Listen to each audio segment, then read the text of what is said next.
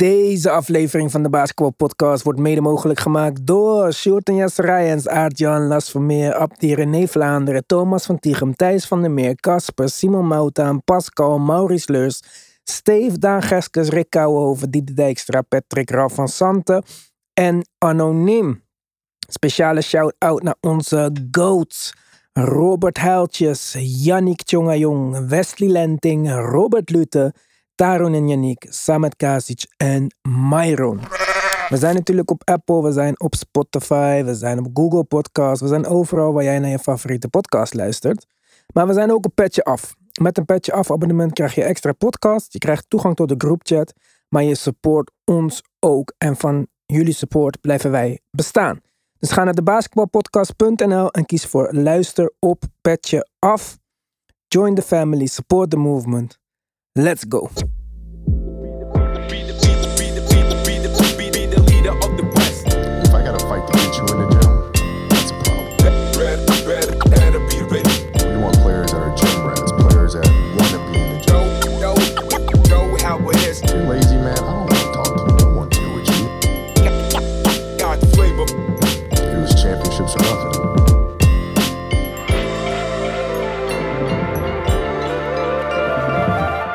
3, Tim. Geen overtime. Ik had erop gehoopt. Ik dacht, dit gaat die overtime game worden van de serie. Ik weet niet hoe die bij jou is binnengekomen. Bij mij iets wat teleurstellend. Teleurstellend. Ja. Dan ben ik heel benieuwd waarom. Vertel. Nou, omdat ik het gewoon spannender had gehoopt. Alle vorige twee wedstrijden waren spannend tot het einde. En deze leek toch wel ergens in het derde kwart aardig onder controle. Dat is waar. Dat vond ik ook. Eh, als je het over spanning hebt, ja, dan is dit inderdaad wel de wedstrijd geweest die eh, daar misschien wel eh, nou ja, het minste van bracht. Zeker in, in de slotfase waarin je het wel verwacht. Aan de andere kant vond ik het wel ehm, ja, goed en opvallend om te zien dat de Nuggets het voor elkaar krijgen om ja, toch een soort van bounce-back game te hebben in de vorm die niet zozeer bepaald is voor wat mij betreft in ieder geval door de headlines. Namelijk, we hebben twee triple-double spelers gehad bij de Nuggets en die hebben de overwinning ingeleid. Wat natuurlijk de makkelijke optelsom zou zijn. Maar wat mij betreft meer nog vorm gegeven werd door eh, ja, de defense van de Nuggets. En het eindelijk kunnen wegnemen van die open, open schoten die de Heat eh, toch zo vaak hebben gehad. En waardoor ze onder andere de vorige wedstrijd wisten te winnen. Oké. Ja, dat deden de Nuggets zeker beter. Maar ook de Heat deden dat op hun beurt weer goed. Ja. Want er waren weinig open driepunters te bekennen. Ja. Dat, eh, laten we het stap voor stap gaan bespreken, de wedstrijd. Dat brengt me eigenlijk dan bij eh, punt 1, stap 1. Michael Porter Jr. was daar het grote slachtoffer van, denk ik. Die profiteert toch wel van een open look hier of daar om in ieder geval aan de gang te komen. Nou, die heeft hij bijna niet gekregen. Zijn minuten zijn gedropt naar 19, als ik me niet vergis. En ehm, verdedigend vond ik hem trouwens wel minder slecht dan de wedstrijd daarvoor. Viel mij ook op. Ja. Ja. Kijk, één op één was hij niet per se slecht. Maar vorige wedstrijd was hij gewoon slordig in switches en in team defense. Dat kon gewoon echt niet. En met dat soort dingen, ja, dan wordt hij bijna onspeelbaar. Omdat je dus van de bank Bruce Brown hebt. En vandaag Christian Brown. Caruso. Want De wel- Christian Brown game. Ja. Christian Brown Caruso noem ik hem. Is de, de next white boy up. Ja. ja, ja die, deed, die deed toch wel opvallend goed. Voor, eh, we hebben het zo vaak over roleplayers. De Heat eh, kenmerken zich daar natuurlijk wel door. Door altijd wel een roleplayer ergens van de bank te vinden die eh, een wedstrijd tekent. En wat mij betreft was dit het voorbeeld van dat het bij de Nuggets een keer gebeurt. Maar ik had alleen niet verwacht door Christian Brown. Ik ook niet. En voor de Nuggets, niet alleen voor deze wedstrijd, hoopgevend zo'n Christian Brown game. Maar ook voor de toekomst, denk ik. Want die Bruce Brown, die ik al eerder noemde, ik heb even naar de nummers gekeken. Ja, Ik denk dat het zomaar eh, lastig wordt. Ja, ja. ik hoop dat er een soort van eh, home team discount komt of zo. En dat hij zegt van oké, geef mij een bla bla bla exception iets of zo. Maar ja, hij heeft zo goed gespeeld dit jaar. Ik denk dat er nu wel wat meer teams geïnteresseerd in hem zullen zijn. Hij heeft al, al lang genoeg gewacht, denk ik. Dus eh, ja, het is voor hem Ja, een kwestie van echt cashen nu. Ja, Ja, maar daar, ik zou ook nooit zeggen van nou, ik vind dat hij moet blijven. Want sowieso, nee. ja. zo werkt het helaas ja, niet. hij moet ook zijn leven bij elkaar spelen. Dus eh, Ja. doe je ding. Maar wel jammer natuurlijk voor de Nuggets. Maar goed, daar zijn we nog lang niet. Nee. Goeie game dus van de bank van de Brown en Brown brothers. Reggie Jackson, Mr. Yassi volgens mij heet, die zei op Instagram, waarom zien we geen Reggie Jackson? Ja. Ik dacht, nou, dat gaan we voorlopig niet zien. En daar stond hij dan. Volgens mij anderhalve minuut. Ja, het was niet, het stelde niet veel voor. Nee. Mike Breen kondigde het aan van, oh, Reggie Jackson is coming. Ik dacht, oh shit. Ja. En er waren zijn eerste minuten volgens mij, in de laatste Ja. twee, drie rondes. Ja. En het, het was een beetje meer, denk ik, om gewoon eh, Jamal Murray te ontzien. Of in ieder geval wat rust te geven. Die uiteindelijk alsnog trouwens gewoon 44 minuten heeft gespeeld. Maar ja, een Reggie Jackson sighting in ieder geval. Nou, veel meer dan dat was het niet. Maar inderdaad, het zijn net even die momentjes die... eh, ja, als je zoveel minuten speelt als Murray misschien... eh, nou ja, toch net even welkom zijn op dat moment. Ja, En eh, waarschijnlijk niet zoveel kwaad kunnen. ja denk ik ook. Nog even terug naar de Christian Brown. Ja. Heat speelt zone in de tweede helft. Of in de ja, tweede helft, ja. En normaal gesproken is het makkelijker om tegen een zone te spelen als je schietend een beetje goed in de wedstrijd zat. Maar nu was het niet schieten wat Christian Brown deed, maar hij katte door alles en iedereen heen. En ja, maakte eigenlijk de zone van de Heat een beetje onspeelbaar.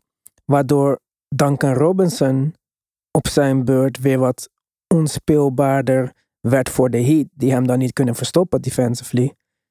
En zo hun beste shooter van de wedstrijd. Uit de wedstrijd werd gespeeld door Christian Brown.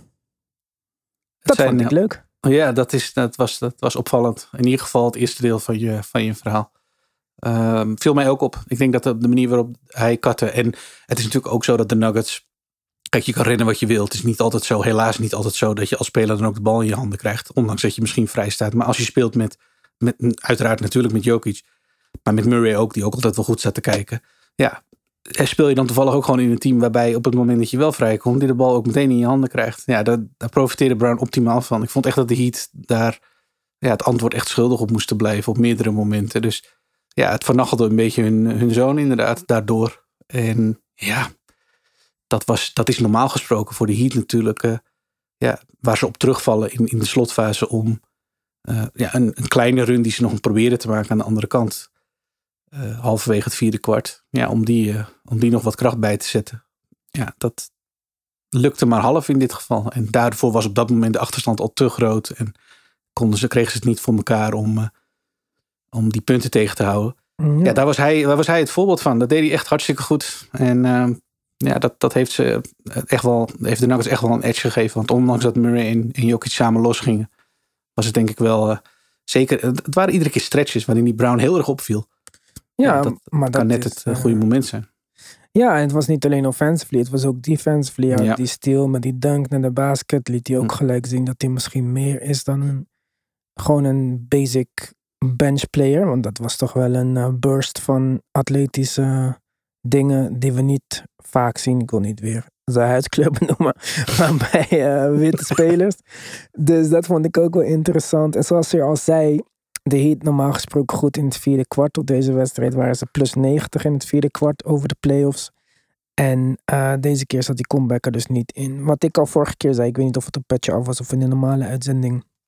Ik denk dat de, bij de Heat moest alles goed gaan. En tegelijkertijd moesten er een aantal dingen fout gaan bij de Nuggets. eh, Om voor hen kansen te creëren, zeg maar. Om de wedstrijd te winnen.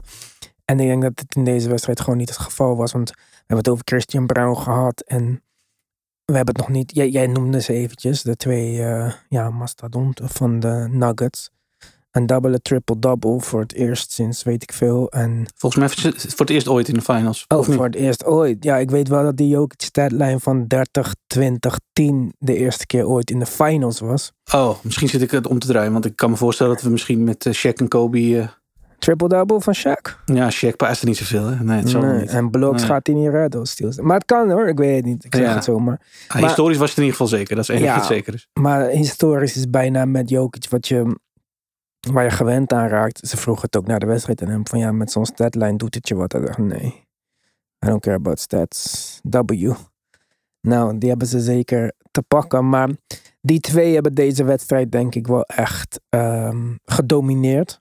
Ja. En alle shine gaat naar Jokic. Die zelf weer probeerde de shine door te schuiven naar Christian Brown.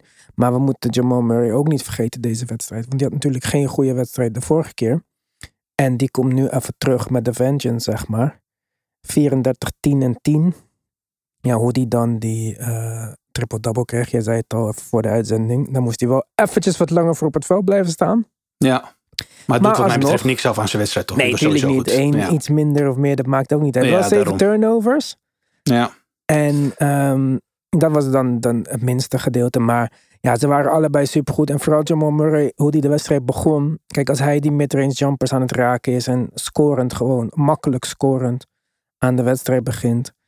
Ja, dan, dan verandert er al zoveel voor de, voor de Heat. We zagen meer van die two-man game ook. En die two-man game van hen is zo strak dat je bijna niet kan blitzen of iets. Het is, ja, als die twee samen aan zijn en ook samen op één lijn zitten, dan is het een van de dominantste duo's die ik ooit in NBA Finals heb gezien. Ik ga niet zeggen alle tijden, want in de regular season hadden we heel veel duo's die eh, leuk waren. Maar om dit te doen in een finals serie is wel, eh, ja, bijzonder. ja, uniek. Ja, absoluut. Ja, ja, nee, ben ik met je eens. Ja, het, is, Waar- het is een beetje gek hè, om zo te zeggen hoe bijzonder het is. En kijk, dat Jokic nou goed is, dat weten de meeste mensen wel. Maar ja, Jamal Murray ook is hij iets wat up en down en zo. De dingen die hij laat zien in deze play in deze finals.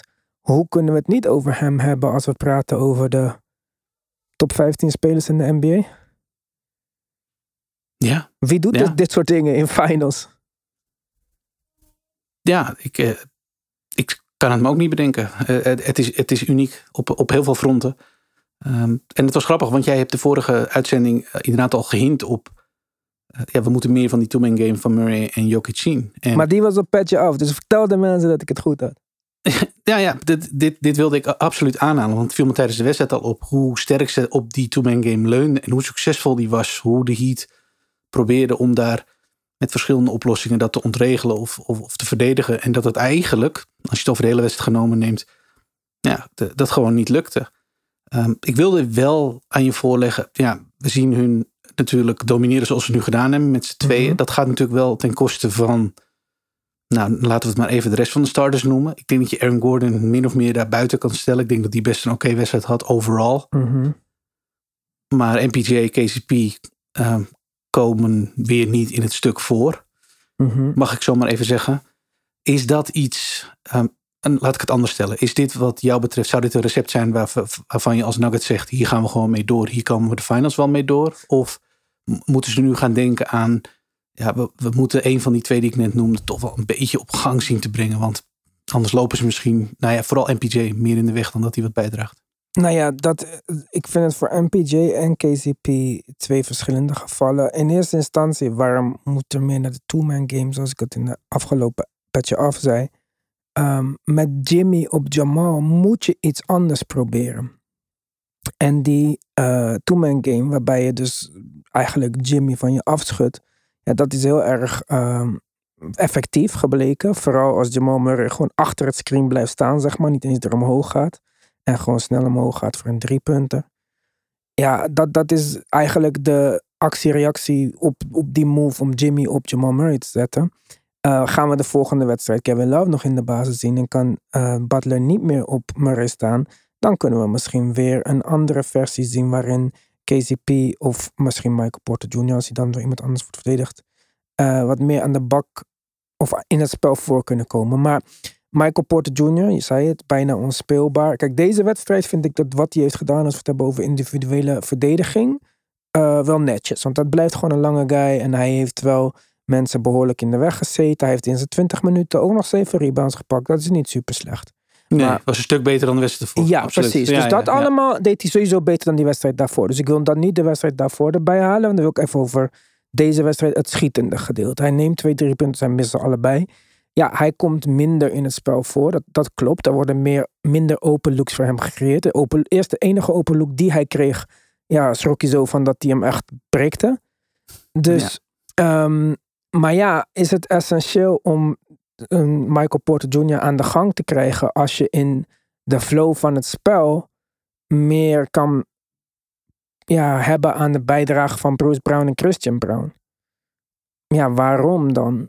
Kijk, wat KCP betreft, de Nuggets zijn niet afhankelijk van de scoring output van KCP. Dat Nee. waren ze ook niet. Zeg maar als je mij had gevraagd van wat is de rol van Michael Porter Jr., dan zeg ik ja, hij is heel belangrijk voor spacing. Hij is een, een elite three-point shooter. Het is ook echt het enige wat hij doet, want pasen komt niet in deze man's eh, ideeën voor. Maar eh, wat betreft KCP, ja, zijn minuten zijn iets wat naar beneden, maar zijn minuten worden vervangen door spelers die eigenlijk niet inleveren op hem als we het hebben over alles behalve schieten. Dus ja, ik, ik denk zo, zolang je wint en zolang je met veel punten voor staat en zolang de Heat niks kunnen doen aan die two-man game, ja, dan is dat niet essentieel dat die twee aan de gang komen. En zo gauw ze iets gaan doen aan die two-man game of eh, andere eh, verdedigende matchups gaan kiezen, ja, dan komen er ook weer kansen voor een Michael Porter Jr. een Contavious Caldwell Pope voor meer schoten. Maar dan, ja, dan moet eerst dat veranderen voordat de Nuggets weer iets veranderen. Want de Nuggets gaan dat niet veranderen als de Heat op deze manier blijft verdedigen. Nee, exact. En je kan verwachten dat dat vanuit de Heat gaat gebeuren. Spolstra zal niet op één manier zo naar de slagbank worden geleid. Nee, ik En, denk eh, dat volgende wedstrijd uh, Dinges weer speelt. Caleb Martin? Ja. Ja, ja. Kijk, deze wedstrijd had Kevin Love al 16 minuten. Ik, ik kan niet echt zeggen per se dat het een slechte 16 minuten waren. Alleen uh, wat hij zo goed deed in de vorige wedstrijd, dat zeg maar uh, tussen de basket en Aaron Gordon blijven, dat deed hij dit, uh, deze keer wat minder. Vooral in het begin werd Aaron Gordon vaak gezocht. En als hij een mismatch had of tegen Kevin Love stond zelfs, wist hij alsnog te scoren. Ja. Volgens mij kwamen de meeste van zijn schotpogingen in het eerste kwart. Even kijken of ik daar gelijk in heb. Nee. Tweede kwart dan. Ja, tweede kwart. Maar, um, dus ja, als dat het enige is wat Kevin Love toevoegt en je verliest deze wedstrijd toch best wel aanzienlijk, dan denk ik dat je wel een beetje meer creatie nodig hebt van Caleb Martin. En dat heeft hij natuurlijk in vooral de afgelopen serie heel erg goed gedaan. Dus uh, ik, ik ben benieuwd hoe dan alleen de matchups weer veranderen. Want dan weet ik niet of Caleb Martin op Aaron Gordon kan staan. En ja, dan begint het alweer tricky te worden. Ja, want dan zijn uiteraard de Nuggets in één keer wel weer veel groter. Ja, precies. En ze zijn al veel groter. En het feit dat hij ook iets met gemak 21 rebounds pakt. Ik weet niet hoeveel dit er average in deze serie, maar het zullen er niet weinig zijn. Ja, dan is dat wel een, een, uh, een risicofactor. Ik denk nog steeds dat wat ik ook al op de, in de Patch Af aflevering zei, dat het handiger zou zijn als je uh, Jimmy eerder naar de bank haalt dan Bam. En dan Bam zijn minuten meer staggert met Jokic. En Jimmy laat spelen in de minuten dat Jokic niet op de vloer zijn. Zodat ook die second unit van de Heat um, een beetje een boost krijgt. Scoring-wise en playmaking-wise. Maar daar, daar zijn ze nog niet naartoe gegaan. Dus dat, dat, ja, dat vind ik jammer. Ik denk, ik denk dat dat en weer een uh, switch naar Caleb Martin, Martin maken de, de twee moves worden van de volgende wedstrijd. Ja, ik zie dat ook wel gebeuren. Uh, wat ik je ook nog even wilde vragen. Uh, ik, ik, ik, laat Bam even buiten beschouwing, want ik vond Bam eigenlijk op zich best, best aardig. Wat vond je van Jimmy? Ja, kijk, um, ik, niet alleen, ik wou zeggen we, maar vooral ik ook. Uh, zijn altijd weer onder de indruk van Jimmy als de playoffs beginnen. En dan in de loop van de playoffs ontpopt hij zich tot een soort van Superman. En ja, dus beginnen we te praten over zijn Hall of Fame status. En uh, ja, is hij niet eigenlijk uh, de, ja, de reïncarnatie van Jordan? En weet je toch? En in deze serie tot nu toe valt het misschien een beetje tegen. En hij lijkt wat passiever, vooral op scorend gebied. Of tenminste, wat, ja, niet passief per se, maar assertief, minder assertief, denk ik, als het gaat om zijn eigen schot creëren. Uh, er wordt gespeculeerd, tenminste gespeculeerd, Skip Bayless zei dat volgens mij, dat er iets aan de hand is met zijn vader. Dus dat ja. het in zijn persoonlijk leven niet allemaal op rolletjes loopt. Ik wist niet eens dat hij een vader had. Ik dacht dat dat Michael Jordan was. Ik dacht dat die uh, conspiracy nog alive was, maar helaas. Tenminste, helaas. Uh, natuurlijk eigenlijk dat zijn vader ziek is. Uh, ik, weet niet of dat zo is. Ik, ik, ken Jimmy Butler niet. Hij heeft me niet geappt. Ik ben niet op de hoogte van uh, hoe hij zich voelt. Maar um, ja, kijk, je kan niet zeggen dat iemand die gewoon rond de 50% van de field schiet en um, 28 punten scoort, een super slechte wedstrijd heeft gespeeld of zo. Nee, ik denk dat het meer vandaan komt bij het beeld wat je natuurlijk van Jimmy Butler hebt gezien. De rest van de playoffs. En dat Ja, was bij tijd en wijlen natuurlijk echt heel, heel eh, ja, Ja. dom- dominant. Maar dat kon bijna niet, hè, Tim. Want kijk, ik zeg niet dat het niet kan. Misschien heeft hij de volgende wedstrijd eh, een super game. En wordt dat de Jimmy Butler game zoals Victor deze wedstrijd had voorspeld. Maar ja, dit is meer wat in de lijn der verwachtingen ligt, toch? En hij moet ook achter Jamal Murray aanrennen. Vergeet dat niet. Dat is niet Ja. dat je zegt eh, een, een easy game of zo. Dus ja, ik, ik denk dat de Nuggets het hem veel moeilijker maken dan de Celtics het hem maakten. Want daar moest hij soms possessions Tatum verdedigen. Die groter en sterker is, maar wel meer settled voor een midrange schot of zo. En nu moet hij achter Jamal Murray aanrennen, die om screens heen gaat. Die veel switch, veel pick-and-roll speelde deze wedstrijd. Dat moet ook gewoon zijn tol eisen, denk ik. Na al een lange playoffs voor hem. Hè? Want het is niet alsof zij eh, iedereen gesweept hebben. Met die enkel. Ja, ja, dat weet ik ook niet hoe het daarmee zit natuurlijk. Veel vraagtekens, maar dat neemt niet weg van dat ik vind dat hij alsnog gewoon... eh, ik, ik vind niet dat het probleem ligt bij Jimmy Butler deze wedstrijd, zeg maar. Ook, tuurlijk, Oh, nee. hij had wat eh, bijzonderder kunnen spelen. Maar kijk, we hebben Gabe Vincent. Ik zag net een MVP-ladder voorbij komen van een paar dagen geleden. stond Gabe Vincent nummer twee op de MVP-ladder van de finals. Ja, dan mag die ook wel even wat meer laten zien in zo'n wedstrijd als eh, vandaag. Maar die zat wel wel al snel in fout. Die was wel heel ongelukkig ook. Die Ja, derde maar fout die ja, hij aangesmeerd kreeg, mag- dat was... iemand bij de Heat ongelukkig zijn met fouten. Want voor Oh, de ja. rest eh, waren de scheidsrechters echt hard bezig om er een wedstrijd van te maken. ja, kom op. In de eerste helft was het echt opvallend. Jokic ging op een gegeven moment floppen. Toen kreeg je de call. Maar Ja. daarvoor had hij drie... Want, en dat was niet echt een fout, vond ik. Want ik denk niet dat Caleb Martin hem met dat duwtje op de grond kreeg. Maar daarvoor, eh, hij werd gewoon in elkaar geslagen. Tot bloeden aan toe. En geen één fluitje. Omgekeerd kregen de Heat elke charge die ze namen in hun voordeel. Of ze benen nou stil stonden op tijd, boeide allemaal niet, joh. Ja. Ja, ja, ze lieten op het fysieke spel veel, eh, veel eh, gaan. Ja. Ja. maar kijk, dus die trouble voor Gabe Vincent is vervelend. Maar dat neemt niet weg dat die 1 uit 6 van 3 is. Ja, nee, met je eens. Kijk- Twee, twee op 10 totaal, 1 op 6 uit 3. Ja, dat is Ja. voor hem. Die, hebben ze echt, die hebben ze echt te veel nodig nu. Ja, maar dat, en dat, dat zei ik dus eerder van... Het is leuk dat die hit goed zijn en ze hebben de vorige wedstrijd gewonnen. En dat was tegen mijn verwachting in. Ik ga ook niet zeggen dat ik het goed voorspeld heb, omdat ik niet goed voorspeld. Maar daar moesten wel heel veel dingen goed gaan en tegelijkertijd heel veel dingen fout gaan bij de Nuggets. Kijk, in deze wedstrijd vergeet niet dat Kevin Love die start en misschien speelt hij niet veel minuten, maar hij is 40% van drie. Dat is je ene beste three-point shooter in de, in de wedstrijd. Ze hebben maar vier turnovers. Met het hele team. Dat is extreem weinig, Tim. Ja. En toch verlies je, ja, het- kijk, het loopt nog wat in, maar je verliest praktisch met 20 punten. En dat is denk ik gewoon, ja, kenmerkend voor deze serie. Tuurlijk zijn die Heat goed, tuurlijk strijden die Heat extra hard, tuurlijk zijn ze clutch. Ze zijn al die dingen, maar er is geen margin for error. En, en Gabe Vincent, of het nou foul trouble is of 1 uit 6 van 3, die marge is er niet. Nee, dus Nee, dat ben ik Ja. met je eens. Ja, ja, een van de, en dat is, ja, sorry dat ik je onderbreek, maar het is Max Struz en Gabe Vincent. Ze zijn bij elkaar 2 van 10 van 3 Ja. en 3 van 17 totaal. Ja, nou, nee, niet dus. Dat, ja, dat kan niet. Dat is onmogelijk voor de Heat.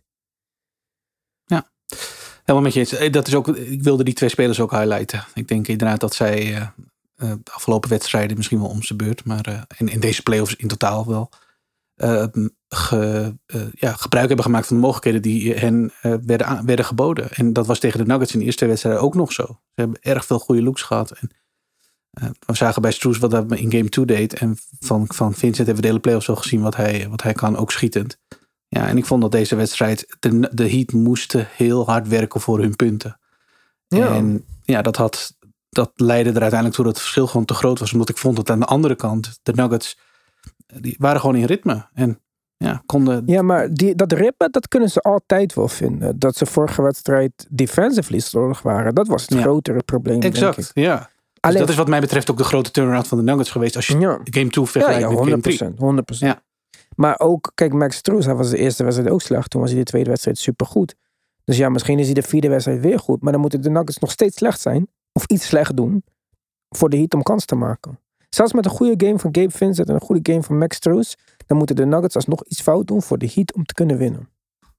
En dat is de positie waarin deze serie is, zeg maar. De Heat Ja. kunnen niet winnen door op zichzelf alles goed te doen. Want als de Nuggets ook alles goed doen, dan winnen de Nuggets nog steeds. Ja. Nuggets zijn gewoon een geoliede machine. Kijk hoe Jokic speelt, man. Oké, je kan niet tegen de zone spelen. Ik mag de bal niet krijgen bij de middenlijn. Oké, ga ik toch dieper staan. Ga toch met eh, een kattende speler spelen in plaats van shooters. Waarom niet? Alles mogelijk met Jokic. Klopt.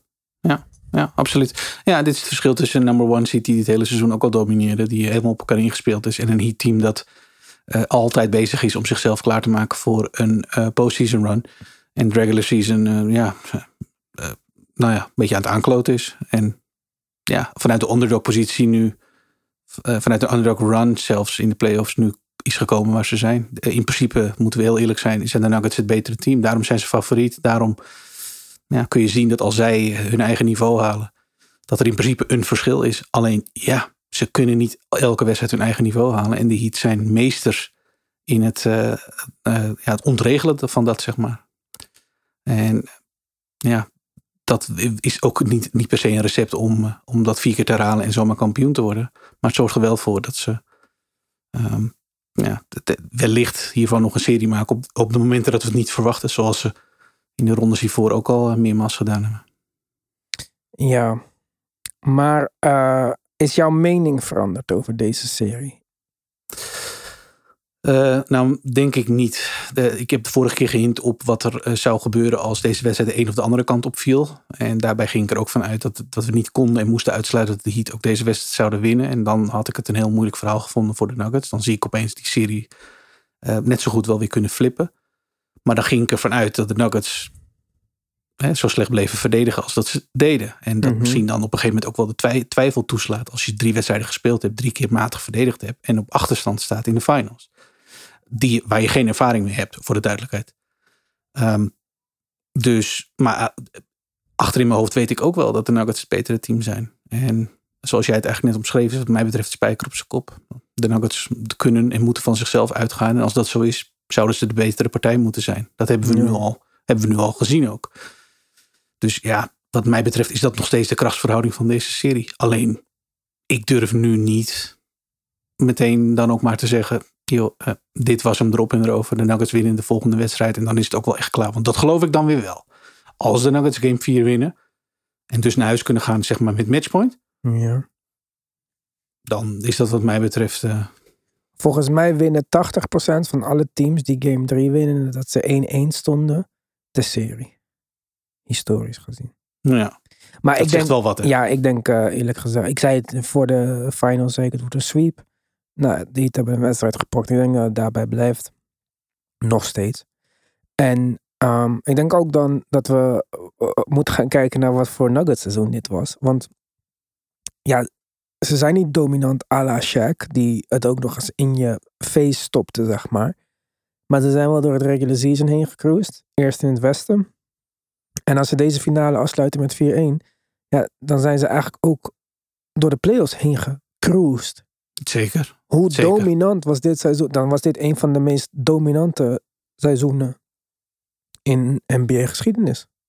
Eh, zeker, ja. En Dan, dan, dan, dan kun je ze noemen bij de, de, de dominante teams zoals we ze wel vaker gezien hebben. eh, Maar alweer een hele tijd terug vanaf nu gezien. Dus ja, eens. Dat, eh, daar, daar horen ze dan bij. Ehm, ja, daar valt niks anders van te maken. De cijfers backen het up.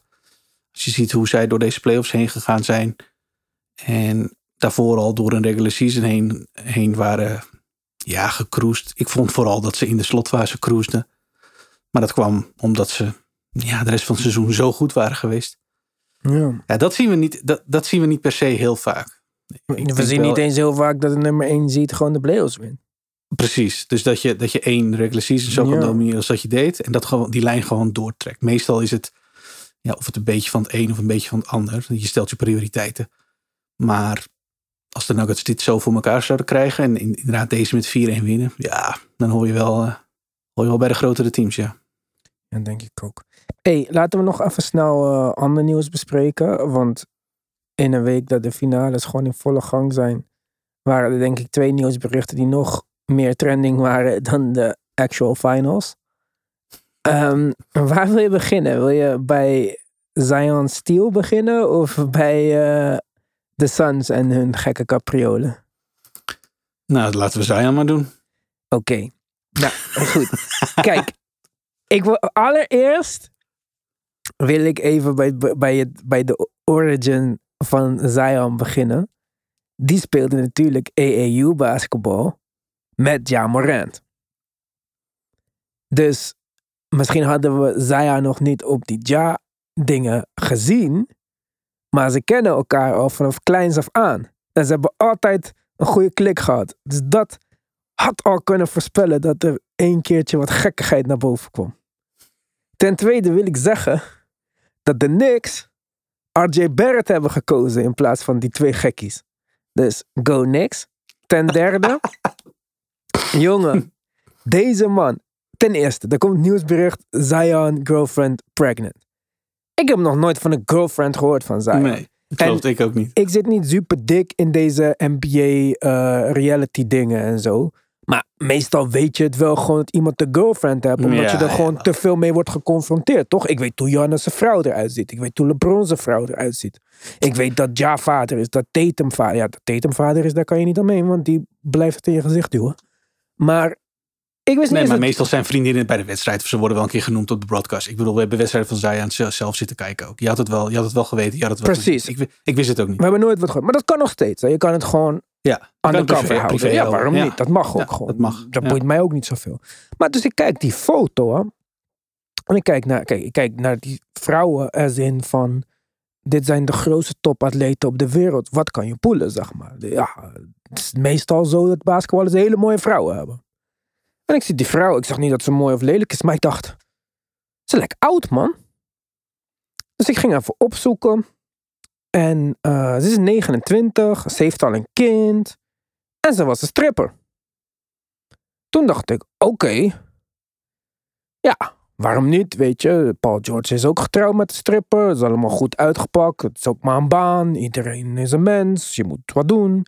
Maar ja, wat ouder met een kind kan, hè. Liefde is liefde. En dat gaat soms niet zoals je dat wil. Maar het is wel typisch, toch? Dat een van de meest up-and-coming supersterren met een bijna 30-jarige stripper gaat. Terwijl die zelf begin 20 is. Dat vond ik al. Hm. Maar goed. Nou, ik denk dat eens een halve dag voorbij was gegaan met dit blijde nieuws van de gender reveal.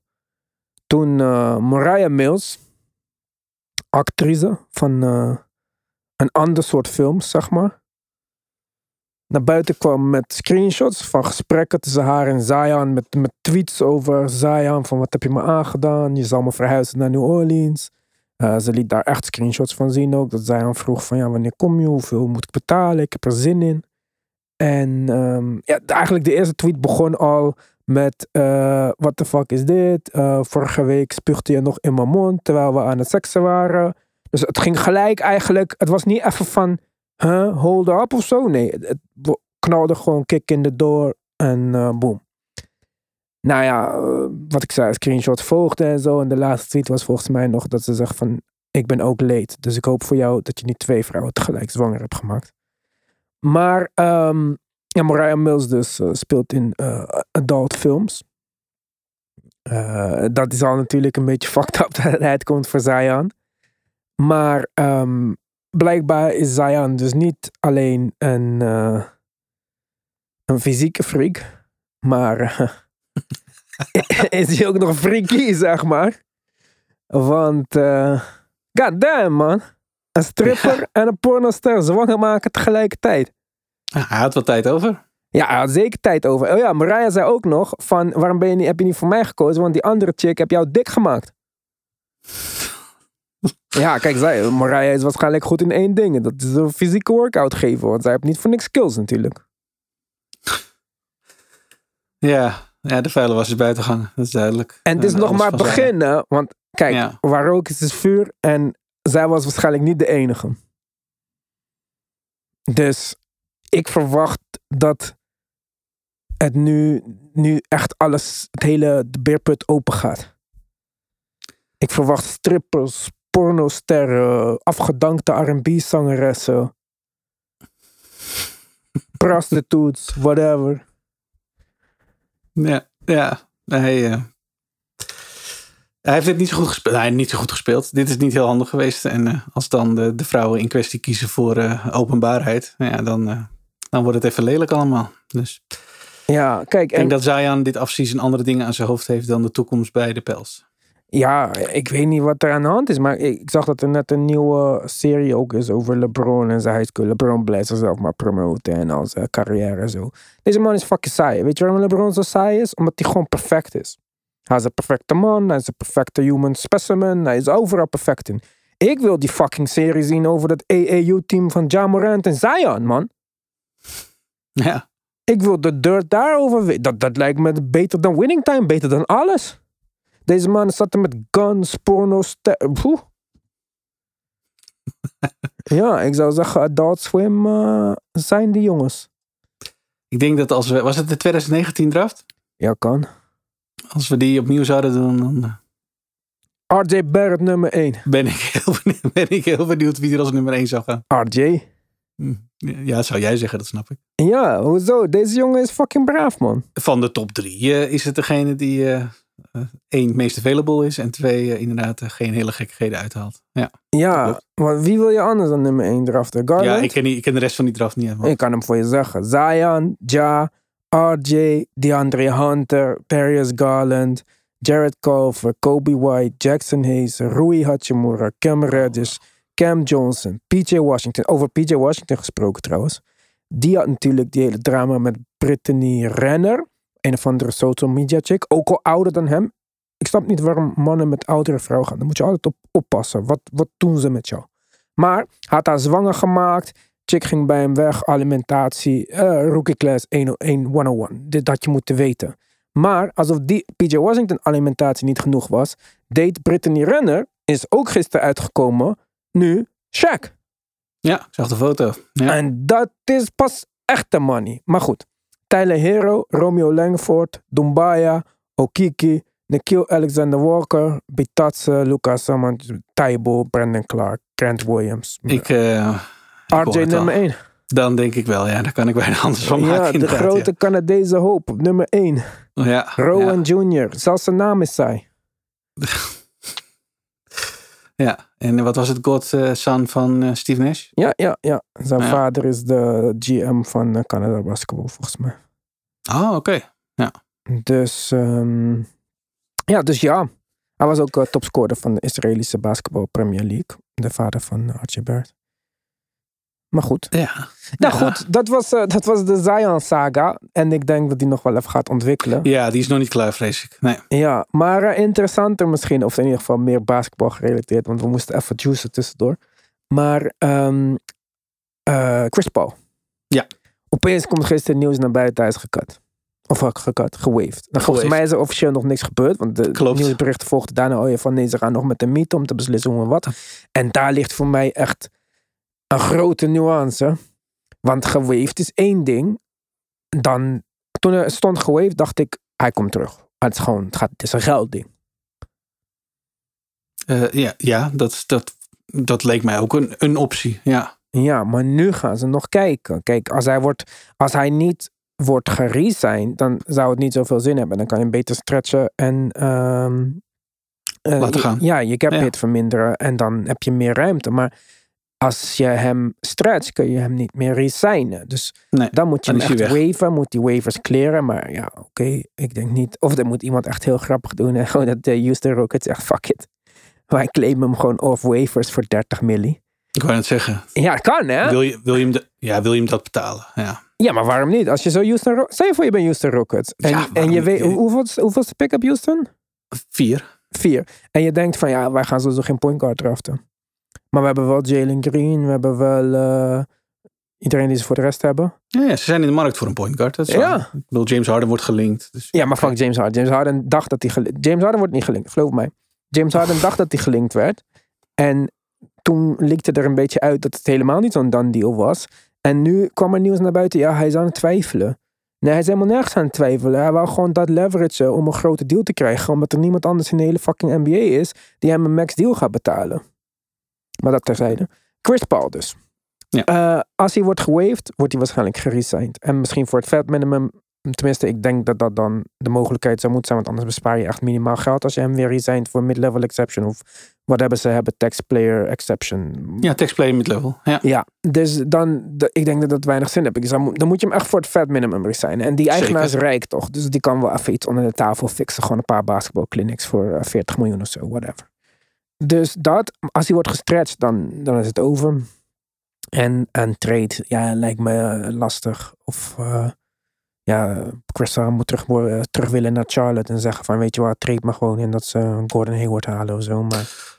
Nou ja, ik denk dat, dat de, de reden dat ze nog... er zijn eigenlijk twee dingen. Eén, ze hebben haast. Want ze, moeten, ze willen voor eind juni, want dat is zijn guarantee datum voor die volledige 30, willen ze daarover een beslissing genomen hebben. Vandaar dat het nu al lekt.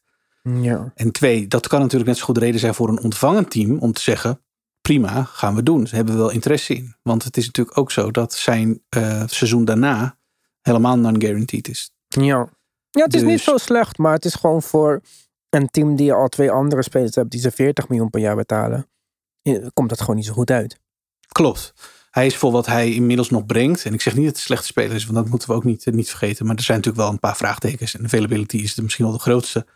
Ja, dat salaris past niet meer bij hem als speler. En voor een team dat ehm, ja, toch wel een beetje in de problemen komt nu met grote salarissen en een roster wat eigenlijk nog helemaal leeg is. Ja, die moeten beslissingen gaan nemen. En dan kan je niet een speler waarvan je niet van tevoren zegt, nou, die gaat wel even 60 plus wedstrijden dit seizoen spelen. Kun je even 30 miljoen op betalen. Daarvoor doet die 30 miljoen veel te veel pijn. Dus Ja.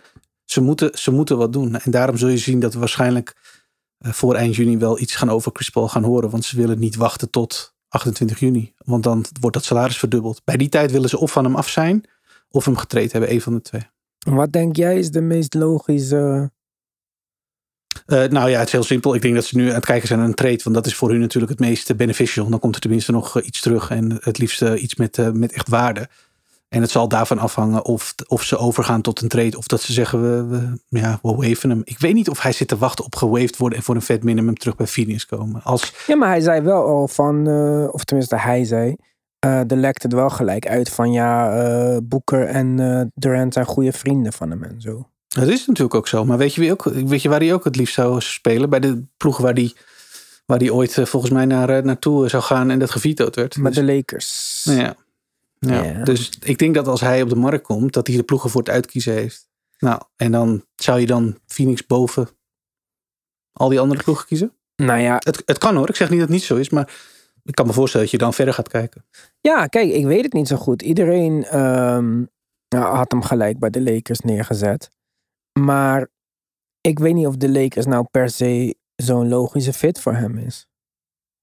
Ik snap maar- het, dat, de link en ik snap eh, LeBron en al dat soort onzin en zo. Maar eh, denk je nou, ik vind het niet per definitie dat ik denk van holy shit man. Ja, dat, dat gaat de Lakers volgend jaar over de top helpen of zo. Dat sowieso niet meer, maar hij is die speler niet meer. Hij is gewoon, Nee, maar daarom denk ik van waarom zou hij naar de Lakers gaan dan? Wat, wat is dan... ik denk dat dat persoonlijk is. Ik denk dat, dat hij inmiddels, ik, ik, ja, Maar wat, en wat gaan de Lakers doen dan? Want als ze hem een mid-level of een gedeelte daarvan geven, dan heeft dat weer invloed op de Ruiz en de. Hoe heet die? Hoe heet die andere guy? Die ze zo graag willen houden? Reeves? Ja, als de Reeves. Ja, ja. Dus dat wordt heel lastig. En ik kijk, ik denk dat de Lakers. Ik zeg niet dat de Lakers hem niet kunnen gebruiken. Of dat het niet een nuttige speler voor de bij zou zijn. Of het nou startend of van de bank. Whatever de deal is. Maar ik weet gewoon niet of je als Lakers zijnde. Nou weer een jonge speler moet cutten. Om weer die bejaarden binnen te halen, zeg maar. nee, klopt.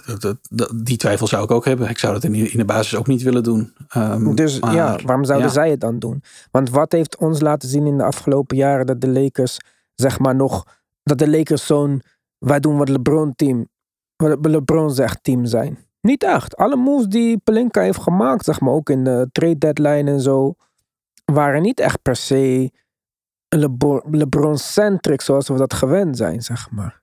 Nee, klopt. En LeBron heeft gelobbyd voor Kyrie. Is ook niet gebeurd. Dus, ja, eh, en nou eh, heeft eh, Kyrie klopt. gelopen voor LeBron. Dat gaat ook niet gebeuren. Dus Nee. ja. Nee, nee, met je eens. Ik, ik, ik, Ik ik, weet- niet wat, wat, de, wat de, de mate van sacrifice zou moeten zijn aan Lakers kant om Chris Paul binnen te kunnen halen. Maar je moet niet eh, de hele wereld moeten bewegen om hem. Want dat, hij is die speler niet meer. Hij zou gewoon meedraaien in de guardrotatie bij de Lakers. Niet meer, niet minder. Het is geen. Ja, maar dan kan Hij- toch brengt beter alleen hele bak gaan. Ja, we- wellicht. Hij brengt. Maar dat, bij een ander topteam zou, de, zou die dezelfde rol vertolken. Hij, hij Nou, brengt weet een hele ik hoop ervaring. Maar Hoezo niet? Nou, stel je voor dat eh, Chris Paul eh, voor de Fat Minimum bij de Celtics tekent. Ja, maar waarom zou je bij de Lakers voor de mid-level willen? Of een Ja, van de mid-level? Oh, dan gaat hij bij mid-level bij de Celtics. Wha- Whatever het geld is. Ah, Waarom zou ik niet als Chris Paul zijn liever bij de Celtics willen spelen? Met de Celtics hmm, heb ik een goede kans om volgend jaar finale te spelen. Ja, ja, ja. Nee, ik, de- Of naar de je- Heat. Waarom zou hij niet naar de Heat willen? omdat Dame daar speelt. Ja, maar hoe gaan ze Dame krijgen? Dit vind ik ook alweer zo'n... eh, ik, denk dat, ik denk echt dat Brooklyn in de driver's seat is voor Dame. Die Ja, hebben Brooklyn, gewoon... Brooklyn vind ik wel realistisch. Ja, die Brooklyn hebben meer assets. Die hebben die picks een beetje. Die hebben een paar jonge spelers die ze in die deal kunnen stoppen. En salary om te matchen. Maar eh, de Heat, dat wordt heel dun. Dan zou die deal draaien om wat? Tyler Hero? Waarom zou in godsnaam eh, Portland dat doen? En Portland gaat ook alweer een guard draften waarschijnlijk. Dus Er zijn heel weinig trades te bedenken die Portland ook echt goed doen. En dit Ja. is het grote argument van het Portland eh, report is ook geweest. Waar hebben we het met z'n allen over? Want waarom zou Portland ja. hem van de hand doen? Ze krijgen nooit terug wat ze weggeven dan. Dus Ja, maar ik denk, ik denk dat er een deal te maken valt. Maar dan is het een deal dus ja, met draft, eh, met een jonge speler en draft capital. ja, ja Brooklyn is Heeft dat, teams. ja. En Miami ja. niet. Dus ik zie dat niet gebeuren. Maar oké. Maar terugkomend op Chris Paul. ehm, nee, eens als de Celtics eh, een soort hand uitreiken en zeggen... nou, als je niet te veel wil verdienen, kun je hier wel... Want de Celtics hebben ook problemen met geld. Kun je hier komen. Ja, die Dan hebben nog het- problemen met geld voordat ze Jalen Brown treden. Ja, ja dus, dus, maar eh ervan uitgaande dat dat zou lukken op de een of andere manier. Mijn punt was, wat ik daarvoor probeerde te maken. Zijn rol zal bij de Celtics niet anders zijn dan bij de Lakers. We moeten niet doen alsof Chris Paul... de- Chris Paul is een nuttige speler met heel veel ervaring. En hij brengt een hoop rust met die ervaring. Maar denk je niet dat zijn nuttigheid hoger zou zijn bij de Celtics? In het team? Nee. Hij draait daar dan toch gewoon in die guardrotatie mee. Die al zo succesvol is. Smart, White, Brogdon. Wat, wat, wat, wat is, hoe, hoe zou Chris Paul daar een hele grote rol in... Ik ga Chris Paul toch niet per se spelen over een van die namen? Ik denk dat alleen Brogdon is nu weer geblesseerd geraakt. Ik hou me hard vast voor volgend jaar. Ik kan me voorstellen dat ze... Wat is de, wat is de contractstatus van eh Derek White? Je hoeft je niet per se op te zoeken, maar is die Oh. nog onder contract in ieder geval? Ja, ja, die is, ja, ja, dat Oké, ja, nou, Ja. dat scheelt wel een hoop, ja.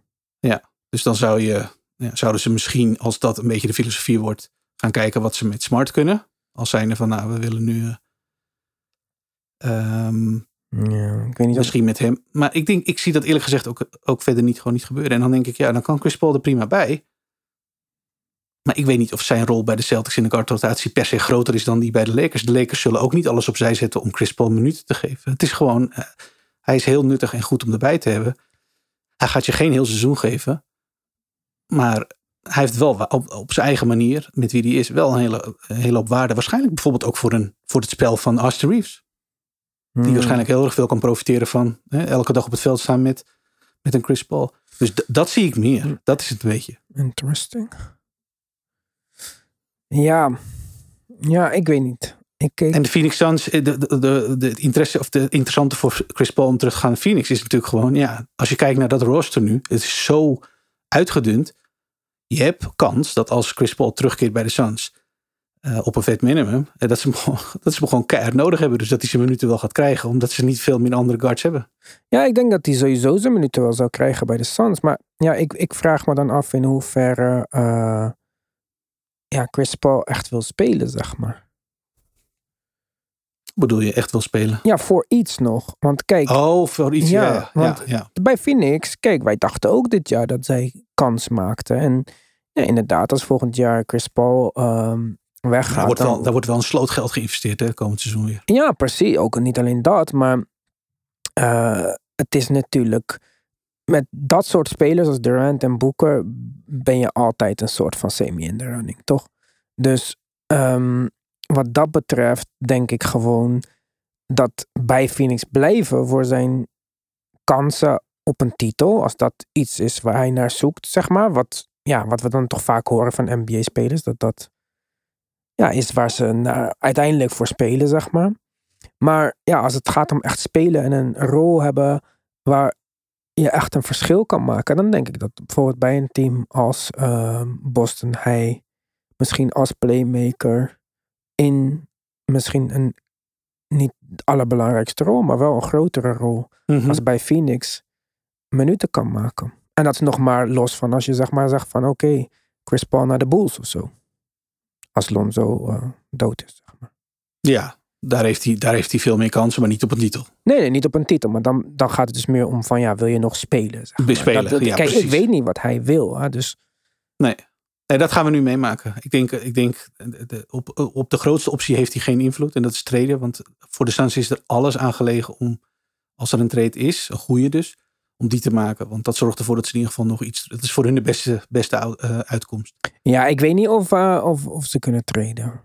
Dat, is, dat zal de grote vraag zijn. Dus, en als dat niet zo is, ja oké. Wil die terugkomen bij je? Kun je hem waven?